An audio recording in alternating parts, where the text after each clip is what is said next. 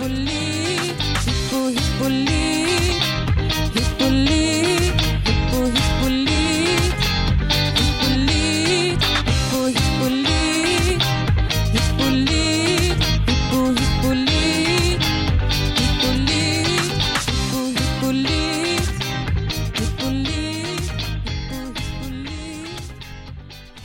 och välkomna till vår nya foderpodd. Här sitter jag och Jennifer som är foderrådgivare på Sankt Hippolyt. Hej Jennifer! Hej Linn! Hej!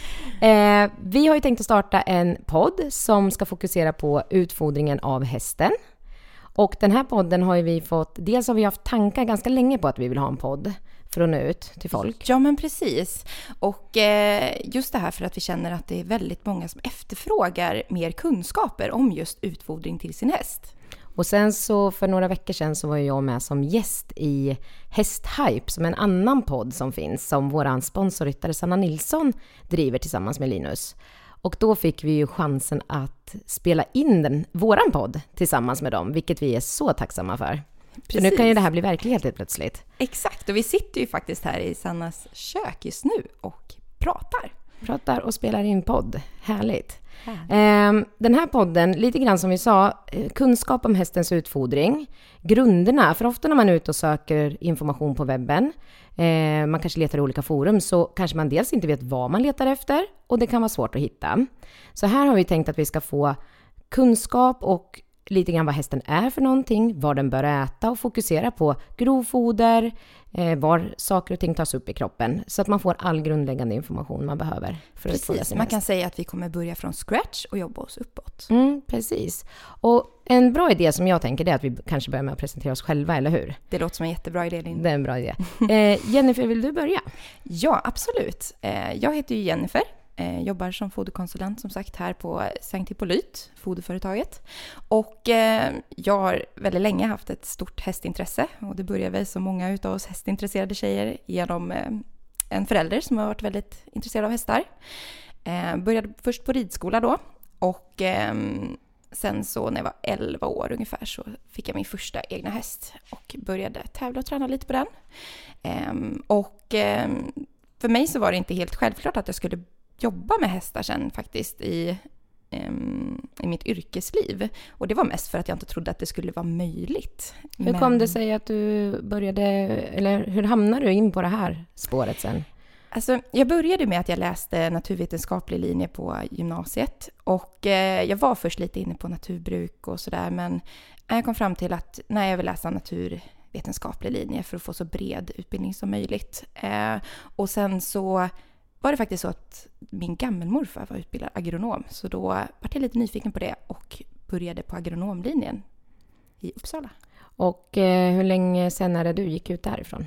2014 tror jag det var jag slutade som jag gick ut. Mm. Så det är några år sedan. Och jag har ju precis egentligen samma bakgrund som dig. Hästtokig från början, hållit på med hästar hela mitt liv. Eh, började rida som liten och sen gick jag ridsportgymnasium. Men precis som du Jennifer så valde jag att läsa naturvetenskapliga ämnen för att få behörighet till universitetet. Och jag hade ju faktiskt inte hört talas om det här med agronomprogram, så jag visste inte fram till årskurs tre vad jag, vad jag skulle göra när jag blev stor. Eh, men då ramlade jag på den här utbildningen eh, på SLUs hemsida och det stod eh, en beskrivning om vad man skulle få läsa och vad man skulle göra och då kände jag direkt att det är ju det här jag ska göra när jag blir stor. Och började läsa därefter att jag hade gått ut gymnasiet och läste och tog examen 2010. Och sen har jag ju hållit på med hästar eh, fortsatt efter det och bo på en hästgård och haft hästar hemma så att hästintresset har ju varit enormt genom hela mitt liv. Och nu har jag också fördelen att få jobba som foderrådgivare då. Så det är ju Det är ju en väldig lyx vi har egentligen som får jobba med våra största fritidsintresse också. Ja, men precis. eh, men eftersom att både du och jag hade lite så diffust om vad en agronom egentligen är och vi vet att många som vi möter på inte heller vet det, så kanske vi ska börja. Vad, vad är en agronom? Kan du? Precis, jag håller lite med. För det, det är ju faktiskt inte många som har hört talas om vad en agronom är för någonting. Och det är lite konstigt för det har ju funnits väldigt länge. Ofta hade man ju det på, på gårdarna förr, en agronom som jobbade. Och inte sällan så finns det ju inom lantbruket och eh, jordbrukssidan idag, alltså mera livsmedelsproducerande djur, så är det ju ofta en, en agronom kopplad. Precis.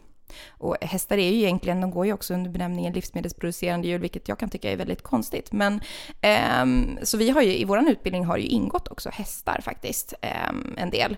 Och ehm, Eh, agronomutbildning är ju en fyra och en halvårig utbildning, utbildning på eh, Sveriges lantbruksuniversitet, SLU, i Uppsala. Och ehm, vi jobbar egentligen, en agronom, en hushållsagronom jobbar ju väldigt förebyggande egentligen. Eh, jag har kursare som jobbar inom byggnader, hur man ska utforma så bra byggnads eller miljö, helt enkelt stallmiljöer för sina djur. Ventilation och Ventilation. mått och så vidare, hur man ska bygga på bästa sätt. Ja, precis. Ja. Och sen så har jag kursare som jobbar inom avel för att ta fram så, så bra... Sunda och friska djur som möjligt. Exakt. Och eh, sen har vi några som jobbar inom djurskydd och sen även foder, precis som vi då, fast på andra djurslag. Ja, för det är inte så många som får jobba med häst faktiskt. Och, och, vi är ju ganska få i Sverige som får jobba med rådgivning till häst. Så vi får ju vara väldigt tacksamma och glada att vi får göra det här vi brinner för, såklart. Eh, och eh, när vi pratar om våra kollegor, vi har ju, det är ju du och jag, och sen har vi ju Charlotte, Olof och Annika som jobbar på samma företag som oss. Eh, och Olof, han har ju till skillnad från oss som är agronomer, så är ju han hippolog. Precis. Och eh, en hippolog jag har ju själv inte läst den utbildningen då, då men eh, Olof har förklarat lite vad, vad en hippolog, hur, vad utbildning eh, hur den är uppbyggd. Och eh, de har ju mer praktisk, eh, praktiskt i sin Alltså vi läser vi ju inte så mycket praktiskt egentligen, utan det är ju mer teoretiskt. Och sen mm. är vi ju ute och gör mätningar och provtagningar och sånt ibland, ut vår utbildning. Men mm. Olof har ju jobbat mer praktiskt med häst kan man säga. Precis, så där är ju, i deras utbildning är ju fokus på just häst. Eh, och de får ju en kandidatexamen i just hästvetenskap också. Och eh, det är ju en treårig utbildning ehm, på Flyinge eller Strömsholm då. Och de, de kanske också mer jobbar sen när de är färdiga, mer som stallchef eller inom ridskoleverksamhet eh, utbildning, kanske unghästar och ja. Men de också läser ju såklart mycket foder så att de det finns ju de som jobbar som foderrådgivare också. Jag är väldigt tacksam att Olof finns med i våra team. Jag med. med just det här att man kan, man kan dela lite kunskaper mellan varandra. Mm. Sen har vi ju Charlotte och hon har ju ytterligare en, en annan utbildning än vad vi. Ja, men precis. Charlotte jobbar ju, eller är utbildad eh, som eh, master. Hon, hon, har en masterexamen i eh, hästvetenskap och har läst utomlands då, till skillnad från oss. Mm. Så att hon har den examen. Och sen har vi Annika som är vår chef och hon är också utbildad husdjursagronom och har varit väldigt länge på företaget. Så att vi är ett, ett, team på fem personer som alla är utbildade inom häst och du och jag har läst väldigt mycket grovfoder också under vår utbildning. Precis. Men nu har vi presenterat oss lite mer, eh, vilka vi är. Eh, vi kanske ska säga lite grann vad, när vi arbetar, vad gör vi en dag på jobbet egentligen? Ja, vad gör vi för någonting? Alltså, vår största del i vårt yrke är ju egentligen rådgivningen. Och eh, vi beräknar ju mycket foderstater, vi gör stallbesök och har olika foderföreläsningar. Och på de här stallbesöken, för det är ju många som undrar vad gör ni när ni kommer ut på ett stallbesök? Eh, hur skulle du säga, hur lägger du upp ett stallbesök när du åker ut till ett stall? Det är ju lite olika beroende på hur många hästar det är som står i det stallet. Men är det ett mycket ett större stall, då brukar vi göra så att vi, vi gör en liten genomgång, eh, berättar lite grunderna och eh, Sen så brukar jag gå och titta på dem en och en, hästarna, göra en hullbedömning på dem. Um, För det kan ju vara ganska olika hur man uppfattar sin häst. Alltså man blir lite hemmablind och man kanske också inte har liksom riktigt vilka preferenser som man ska jämföra med. Nej men precis, och vi, vi är ju ute dagligen och tittar på många olika typer av hästar så att vi har ju den referensen att kunna mm. gå efter. Men eh, sen så hjälper vi ju till och tolkar grovfoderanalyserna om det är så att man har en analys på sin, sitt grovfoder. Och har man inte det så kan man ju fortfarande få hjälp med rådgivning, men det blir ju inte lika exakt och precis och det är lite svårare att veta vad hästen får i sig och vad man ska komplettera med. Så att en grovfoderanalys är ju någonting som vi all, rekommenderar alla kunder egentligen. Och sen så hjälper vi även till att beräkna foderstaterna på plats, antingen direkt i stallet. Är det lite mer avancerade saker eller eh, om det är väldigt många hästar i det stallet så brukar vi ju beräkna dem på kontoret sen och, och mejla ut dem. Och det kan ju vara så att vi också har eh, ganska mycket frågor som vi försöker svara på när vi är ute. Man kan ha problem relaterat till utfodringen som man inte riktigt förstår kommer från utfodringen, men vi brukar alltid fråga om de upplever att de har några problem med hästen, som, alltså, som de kanske inte har tänkt på ens. Precis, och där är det också lättare när man kommer ut till stallet och får se hästen. Just det här att man, man kan se om den är lite glansig, tuff i pälsen, kanske lite dåliga hovar, vilket en hästägare kanske inte alltid tänker på. Och det kan ju faktiskt vara kopplat till just att man inte har en balanserad foderstat. Och att kanske att de har tänkt på det, men inte förstått att man kan göra någonting åt det heller. Absolut. Så att vi är ju dels ute i stallet och rådger och sen rådger ju även via telefon och mejl. Och Mm. då får man utgå från de uppgifter som hästägaren lämnar till en. Då kan man inte samla in egna på plats. Sen har vi föreläsningarna. Och då har vi ju ungefär samma fokus som vi kommer ha i den här podden. Vi, kommer, vi börjar alltid med att prata om vad hästen är för djur och jobbar oss igenom eh, egentligen våran utbildning fast i kortfattat format får man väl säga. Väldigt kortfattad eftersom att vår utbildning är nästan fem år och en föreläsning är två timmar lång. Eh, Men eh, vi åker ut till olika stallar då eller eh, hos våra Föreningar. återförsäljare, föreningar. Vi har varit på lantbruksgymnasium. Vi har varit och föreläst för husdjurs eh, agronomstudenterna och veterinärstudenterna tidigare, tidigt i deras utbildning. Ja, för det är ju inte så att alla har hållit på med häst som läser till agronom eller veterinär. Många kanske har hållit på med eh, hund eller eh, lantbruksdjur. Och då kan det vara bra att tidigt i utbildningen få en liksom lite bredare bild av vad en häst egentligen är. Så vi håller föreläsningar lite varstans kan man säga. I hela Sverige är vi ute och far. Ehm, och sen har vi våra återförsäljare som säljer vårt foder och de utbildar vi också så att de vet så mycket som möjligt. Eh, Men vi kanske ska ramla in lite på vad hästen är för ett djur. Vi har pratat väldigt mycket om att vi utgår därifrån hela tiden. Och då kanske det är dags att börja nämna det här. Absolut. Och hästar är ju gräsätare. Och eh, deras huvudföda egentligen, det är ju grovfoder. Det är det allra viktigaste. Och eh, hästen naturligt sett, de äter ju väldigt, väldigt stor del av dygnet. De äter inte som oss med andra ord. Nej, inte alls som oss. De ser ju heller inte fysiologiskt ut som oss, men det kommer vi komma in på längre fram. Men en häst betar ungefär 14 till 18 timmar per dygn. Det är lång tid där. Det är väldigt lång tid och eh, det är ganska svårt att, att matcha det egentligen på sättet vi håller våra hästar. Ja, för hur tänker du? När jag är ute på ett stallbesök så brukar jag alltid fråga hästägarna, hur, hur har ni när ni håller er häst? Eh, hur lång tid får era hästar äta? Hur lång tid står de utan mat? Och många gånger är det här saker som man inte har tänkt på tycker jag. Nej, jag håller med. Eh, Jag har precis samma erfarenhet och jag brukar rekommendera det att man kan klocka sin häst faktiskt. För att veta hur mycket den äter, eller hur lång tid det tar för den att äta sin giva. För ibland kan det ju gå väldigt snabbt. Jag var faktiskt ute på ett stallbesök igår och den hästen åt upp allt sitt grovfoder, tre kilo, under tiden jag var där. Och sen skulle den stå, den stod dessutom då på spån. Så den hade en ganska lång paus tills nästa målmat skulle komma. Och det här är det där många inte tänker på, att normalt sett kanske hästen har 3 till 5 timmars uppehåll som längst från ätandet. Medan på sättet vi håller häst idag så har de en betydligt längre paus. Ja, för naturligt sett så gör de ju, de gör ju pauser helt enkelt i sitt ät, sitt I sitt ätbeteende, ätande. i sitt ätande. Eh, och eh, man brukar ju säga att de äter två till fyra timmar åt gången. Sen tar man en paus, men den brukar ju vara mycket kortare då. När man börjar håller dem på box så har inte hästen möjlighet att välja själv heller. Exakt. som den har i frihet. Eh, vad väljer den för kost då, när de, när de kan ha möjlighet att välja? Alltså de är ju väldigt selektiva och noggranna i sitt val. Och eh, det kommer vi komma in på lite mer när vi pratar bete, lite mer val av olika grässorter och sådana där saker. Eh, Så jag tänkte inte snöa in på det jättemycket nu. Men man ser ju också att de rör sig väldigt, väldigt mycket naturligt sett. De rör sig över väldigt stora ytor. Och, eh, Man ja, kan men ju se att en häst mycket. som eh, går på lösdrift kan röra sig mer under ett dygn än vad en häst som står i mindre hage och i box och ändå blir riden gör. Så att en häst som går och, och fritt får välja rör sig ju eh, mång, alltså långa distanser varje dygn. Absolut, och det påverkar ju också hur man lägger upp en foderstrategi, alltså hur mycket hästen rör sig. Och hästar kan ju äta väldigt mycket också och det beror lite på vad man har för typ av grovfoder, det vill säga hur blött grovfoder man har. Har man blötare grovfoder så äter hästen ofta mer än om den har lite torrare, för ett blötare grovfoder innehåller ju mer vatten. Hur mycket äter en häst ungefär? Alltså, Eller kan en häst äta, kanske man ska säga. En häst kan äta och de kan äta väldigt, väldigt mycket. Kan de äta. Eh, man brukar ju säga att de, att de kan äta ungefär två och ett halvt till tre procent torrsubstans av kroppsvikten. Vad blir det då?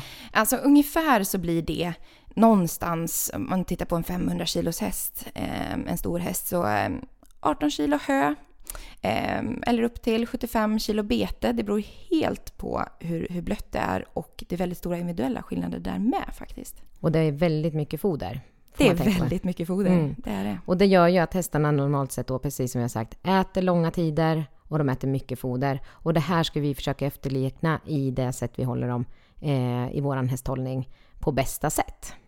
Och det är ju ganska svårt, för jag upplever i alla fall ofta att man har väldigt bra grovfoder, alltså väldigt höga näringsvärden i sitt grovfoder. Och har man en lättfödd häst då, då gör ju det väldigt svårt att uppfylla de här kraven. Och det här är ju någonting som vi kommer prata jättemycket om i nästa avsnitt. Mm. Och i flera avsnitt såklart. Men hur man ska välja grovfoder, vad man ska tänka på för att få hästarna både tillgodose sig sin sysselsättning då och att få in rätt näringsvärden i foderstaten. Precis, men någonting man kan göra för att förlänga en ättiden för hästen är ju till exempel slow feed-näten. Eh, Det finns ju lite delad mening där om eh, ja, att det är hästar som har fått problem med nacke och grejer när de står och sliter och i de här näten. Men vad tycker du om det, Linn? Nej, men jag har själv haft goda erfarenheter av slowfeed-näten. Mina hästar har ätit lugnt och fint i de här näten och jag har alltid lagt ut så att de inte bara får det i näten utan att de har möjlighet att äta fritt också.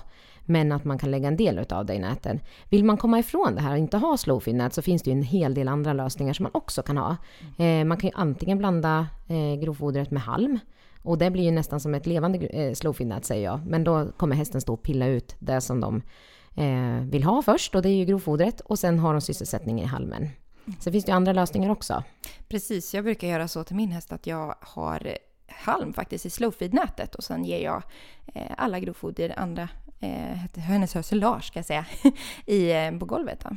Mm. Så att, eh, Och det finns andra, man kan bygga bästa. egna saker, egna lösningar. Det finns ganska mycket som man kan hitta på med olika typer av, eh, vad ska man säga, ja, det finns ju jättesmarta lösningar med lådor som man kan borra hål i till hagen och ja, väldigt mycket smarta lösningar så det går ju att hitta bra tips. Det kan vara bra att eh, fundera i alla fall lite kring om man, om man på något sätt kan förlänga sin ättid för hästen eftersom att de mår bättre av det. Absolut. Men förutom grovfoder då, så tycker jag att vi ska nämna vatten också som en viktig, eh, ett viktigt fodermedel. För det är det ju faktiskt. Hästen har, behöver ju vatten för att överleva. Absolut, vatten är en jätteviktig del ehm, är det. Och eh, det beror ju lite på hur mycket hästen... Hästen behöver ju dricka lite och beroende på hur blött grovfoder den får. Precis, är det mycket vatten i grovfodret eller till exempel i ett färskgräs så dricker hästen generellt sett lite mindre. Eftersom den. de får i sig vatten via fodret. Men en, en vanlig 500 kilos häst som, som ja, egentligen bara går och står i hagen, alltså har ett underhållsbehov av vatten, hur mycket dricker den? Alltså det man säger är ju att eh, underhållsbehovet för hästarna är 5 liter per 100 kilo kroppsvikt. Och då blir ju det ungefär 25 liter till en häst som, är 500, som väger 500 kilo. Och det är ju underhållsbehovet, det vill säga för att alla funktioner i kroppen ska fungera utan att den utför någon prestation. Vad händer om man lägger på arbete eller om hästen till exempel är digivande och så? Vad, Alltså rör sig hästen mer, den svettas mer, den är digivande eller det är väldigt varmt ute så kommer ju eh, behovet öka såklart. Och ehm, det kan ju bli mycket, mycket högre men det är väldigt stora individuella skillnader där också. eh, sen är det viktigt att nämna tycker jag att kvaliteten eh, alltså, Kvaliteten är A och O, så är det. Ja, och eftersom att hästen eh, inte själv kan välja så är det vi som måste se till att hästen får det vatten den behöver. Och eh, det ska ju vara drickstugligt som för oss, det vatten hästen dricker. Absolut. Och sen har man ju sett också att många hästar föredrar ju faktiskt att dricka i hink jäm- jämfört med att dricka i vattenkopp. Vad, vad, vad beror det här på nu då? Alltså, det beror ju på att hästen ofta föredrar att dricka ur en öppen spegel, för det första. Ehm, Men sen också att de har en väldigt hög, de har en väldigt hög hastighet när de dricker. Och eh, anledningen till det är ju troligtvis på grund av att det är flyktdjur, att det är ganska utsatt plats just vid vattenhålet. Så även där kommer det här naturliga beteendet i kapp. Absolut, man ska alltid titta till naturen när man tänker på jag tycker det är imponerande att se en häst dricka, hur snabbt de kan dricka en stor mängd vatten. Det är fortfarande efter alla år så tycker jag att det är fascinerande. Men eh, vad rekommenderar man att, att hästen ska få dricka då? Vad säger djurskyddslagen till exempel? Alltså djurskyddslagen säger ju att hästen ska kunna dricka sig otörstig minst två gånger om dagen. Men jag brukar alltid rekommendera alla hästägare att ha fri tillgång på bra kvalitet. Och det är ju så att djurskyddslagen, det är ju alltid det som minst krävs. Alltså det är det absolut lägsta man får lägga sig. Ja, och det är ju inga rekommendationer, Nej. utan det är absolut det minimumgränsen. Så att vi, fri tillgång på vatten är att föredra, eller det är vad hästen bör ha. Eh, och av bra kvalitet.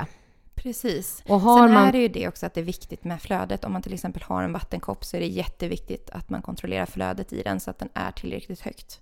Och eh, där har man ju också rekommendationer att man ska ha helst 8 liter per minut. Och har man inte det så kan det bli att hästen går ifrån vattenkoppen utan att ha druckit upp så att den är törstig, eller så att törsten är släckt ska jag säga. Eh, utan att den fortfarande eh, har ett behov av mer vatten fast den ger upp så att säga. En fördel med hink är också att man faktiskt ser hur mycket hästen har druckit. Mm. Då kan man ju se om den verkligen har fått i sig de här, det här underhållsbehovet på 5 liter per 100 kilo kroppsvikt och dygn. Och generellt sett tycker jag att när man, när man eh, har hästen inne på box och kan mäta så att se att hästen har druckit, man ser att den har ätit grovfoder, man ser om de har bajsat, man vet att, att det fungerar i hästen. Så ta det för vana att alltid kolla de här parametrarna, att de har gjort alla sina behov och tillgodosett sina behov. Eh, men sen då, eh, förutom vatten, vad behöver hästen eh, mer? Den ska, den ska, fodret ska ju fylla en funktion för hästen. Vad är det Ja, för alltså, funktioner? Den grundläggande funktionen eh, med vad fodret ska fylla är ju egentligen att den ska täcka upp hästens näringsbehov. Det är det ju allra viktigaste. Och det täcks ju framförallt via dess grovfoder. Det är det som är den viktigaste eh, fodermedlet till hästen helt enkelt. Och sysselsättning absolut är väldigt viktigt också. Vad händer annars? Hästen kan få beteendestörningar när den inte kan utföra sitt naturliga beteende. Absolut, för man får inte glömma det här att 14 till 18 timmar naturligt sett har man ju sett att hästen eh, brukar spendera just med att äta. Och eh, uppfyller de inte det här så kommer de ju kunna fylla upp det med annat, som till exempel eh, olika beteendestörningar. Men de kan ju också få problem med mag och tarmkanalen. Och det är ju också en sak som man ska tänka på att hästen är ju gjord i sin mag och tarmkanal för att äta så här många timmar per dygn och de har ju mikroorganismer i grovtarmen. Och om det är så att inte hästen får det här kontinuerliga flödet av eh, grovfoder så kan den här tarmmiljön i grovtarmen bli störd. Så Eller de kan få kolik, men det kommer vi komma in på längre Det kommer fram. vi också prata om, just problem relaterat till utfodring när det inte fungerar. Det kommer komma i- i avsnitt längre fram. Men, men det är bra att veta att grovfodret behöver, eh, den behövs för både sysselsättning och funktion. Eh, Sen kan man ju gå in på de olika näringsämnena. Alltså, hästen har ju olika näringsbehov och först och främst så är det ju energi som är viktigt att de täcks upp. Eh, och sen är det ju protein, men vitaminer och mineraler är ju också väldigt viktigt att man tänker och på. de här, det kommer vi ägna nästan ett helt avsnitt åt och reda ut de här begreppen. Vad är energi och protein och hur ska man tänka för att det, hästen ska få i sig alla de här näringsämnena? Och vart tas de upp? Det finns så mycket att prata om. Det finns väldigt mycket att prata om. Så att det, ska vi inte, det ska vi inte ta idag. Men det är någonting som vi kommer lägga mycket fokus på längre fram i alla fall. Eh, kanske ska avsluta första poddavsnittet här innan vi... Eh, men vi kanske ska nämna vad, vad kommer vi ta upp i den här podden framöver nu? Vi har varit inne och snuddat lite vid det. Ja, precis. Vi kommer ju prata om grovfoder. Vad är ett grovfoder? Vad ska man tänka på? Vad ska man titta efter när man väljer sitt grovfoder? Ehm, och sen så kommer vi komma in och prata om bete. som Bete är ju snart kommer- väldigt aktuellt, eller det- i Absolut. delar av landet är det redan igång. Det är det. Och sen så kommer vi komma in och prata mer om hästens matsmältning, hur, det- hur det ser ut och ja, vad saker tas upp och sådär. Eh, sen så kommer vi prata längre fram mot hösten lite mer om installning och vad man ska tänka på inför installningen och Hur man bygger upp en foderstat, hur man tänker skaffa sig en foderstrategi till sin häst. Mm. Eh, men vi vill ju ha input såklart på det här. vi vill jättegärna ha frågor, vi älskar frågor. Mm, det tycker vi om. Eh, har man nu frågor, vart ska man höra av sig då? Då hör man av sig. Antingen så skickar man ett mejl till info.hippolyt.se eller så ringer man oss på 0413 486 100. Och som sagt, hör av er med frågor och är det så att man eh, ehm, ja, har inputs på vad vi ska prata om så får man ju jättegärna säga det också. Och man får jättegärna komma in med förslag. Så att det är väl egentligen det som vi hade här första avsnittet och nästa gång när vi kommer tillbaka så blir det grovfoder för hela slanten. Då blir det grovfoder. Då blir det grovfoder. Vad bra Jennifer, men då, då ses vi i nästa avsnitt. Det gör vi. Ja. Ha, ha, det, Ha så det så bra allihopa. Hej då.